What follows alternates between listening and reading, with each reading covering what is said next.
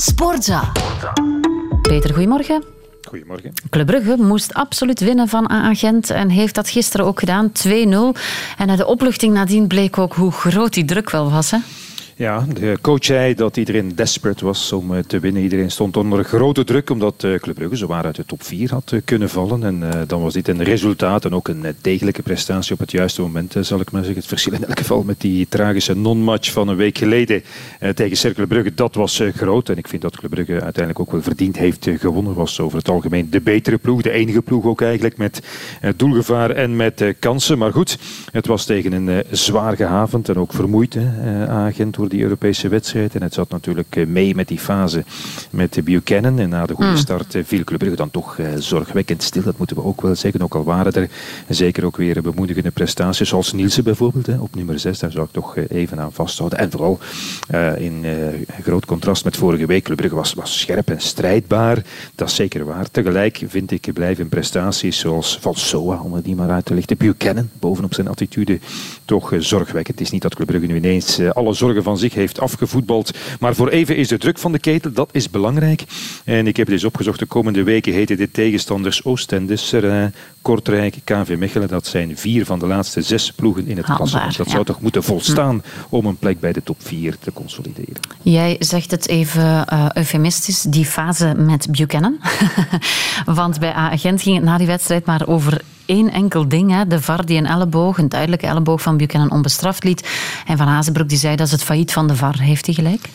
Wel, eh, in het laatste nummer van uh, Sportvoetbalmagazine zei de nieuwe VAR-coördinator Christophe Dirk, gewezen scheidsrechter, dat de modale voetballiefhebber en ook analisten en voetbalverslaggevers, onder wie ik zelf dus, te weinig echte kennis hebben van het VAR-protocol. Ah. Wij weten niet wanneer de VAR wel of niet kan tussenkomen en dat is het grote probleem, zo zei meneer Dirk nog. Wel, als ze in Tubeke denken dat dat echt het grote probleem is, dan vind ik dat uitgerekend het grote probleem. Want ik wil het nog wel een keer nalezen, maar ik denk toch dat wanneer een speler bewust met zijn elleboog een tegenstander in het gezicht slaat, dat de VAR dan mag tussenkomen. Mhm. En Rut, er waren dit weekend ook nog uh, maar ver onder de radar gebleven verbijsterende taferelen in Eupen Brugge, waar aanvaller Gassama van Eupen eigenlijk twee keer rood had moeten krijgen. In een van die fases ging hij met die voet vooruit op de borst van doelman Majeki. Ik lees dat hij zes weken buiten strijd is. En ook daar bleef de VAR stom, is hij niet tussengekomen. Maar goed, dat is dan maar Cercle Brugge.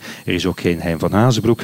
Een megafoon om het onder de aandacht te brengen. Dus hoewel dat voor Cercle Brugge, ja, hoewel dat voor Cercle Brugge net zo kwalijk is in de strijd om de top 8. Dus ik vrees voor meneer Dirk dat er toch een ander probleem is dan gebrekkige kennis bij publiek en media. En wat ik nu graag zou hebben is dat Kevin van Damme, dat was nu de VAR gisteren in het Jan Breidelstadion, is uitlegt wat hij dan in die fase anders heeft gezien dan de meeste andere mensen. Maar goed, dat gaat natuurlijk niet gebeuren. We krijgen straks Frank de Bleker, die mhm. zal zeggen, zowel in Brugge als in Eupen eh, verdiende de, de speler een rode kaart en werd een VAR-interventie verwacht. En voilà, dat is het dan. Dat is het dan. Ja, dat is het dan. Ah, ja, Dan doen we weer verder tot en daar de volgende praten week. We, daar praten we dan twee dagen over en dan is het volgende week inderdaad. Oké. Uh, opvallend ook. Een tweede opeenvolgende nederlaag van Union. 4-2 bij Westerlo. Zit de vice-kampioen opeens in een dipje? Maar het was wel een veel mindere prestatie dan een week geleden uh, tegen Standaard, vond ik. Zeker in de eerste helft was Union onherkenbaar. En alles wat Union al twee jaar op het hoogste niveau zo sterk maakt, daar was weinig van te zien. En wat Karel Gerards ook aangaf, strijd, duels, intensiteit, organisatie, diepgang. Uh, al wil ik wel zeggen, alle credits voor Westerlo. Dat blijft maar scoren met fris, aanvallend, spectaculair voetbal. En ik zou zeggen, hopelijk worden ze beloond met een welverdiende plek in, in play-off 2. En oké, na de rust was Union wel op de afspraak beter toch. En zonder die die uh, ongelukkige fout van Lazare kan het misschien nog anders lopen. Maar goed, de realiteit is wel 0 op 6. En vooral uh, acht tegendoelpunten in twee wedstrijden. Dat zijn we niet gewend van Union. Ik heb het eens nagekeken. Het mm. waren er vier in de elf wedstrijden daarvoor sinds het eh, WK. Beker inbegrepen. Dat is heel veel. En het resultaat, ook dat is opvallend, van veel individuele fouten. En we moeten natuurlijk nog geen noodprocedure opstarten voor Union. Maar het is wel niet het moment uh, voor een vormdip collectief en bij te veel spelers. Want maart is cruciale donderdag. verdedigen zijn 1-0 voorsprong.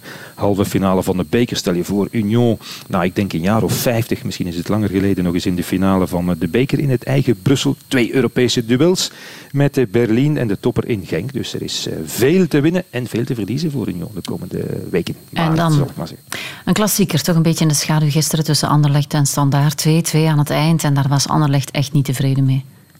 Uh, ik kan het begrijpen, hè, want uh, was over de hele wedstrijd uh, langere periodes de betere ploeg geweest. Er waren kansen genoeg om het verschil te maken. Een beetje pech met twee overigens terecht afgekeurde doelpunten, niet buitenspel. En dan natuurlijk die twee ongelukkige tegendoelpunten. Dus ik zeg het begrijpelijk.